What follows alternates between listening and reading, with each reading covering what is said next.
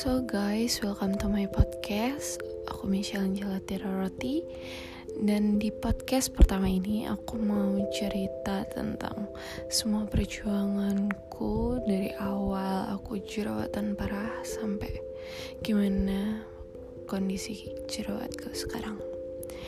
Nah jadi waktu awal itu aku SMA kelas 3 terus dulu aku aktif banget basket.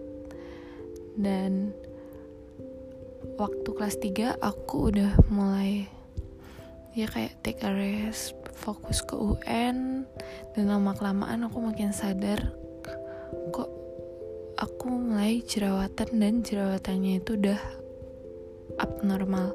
Kayak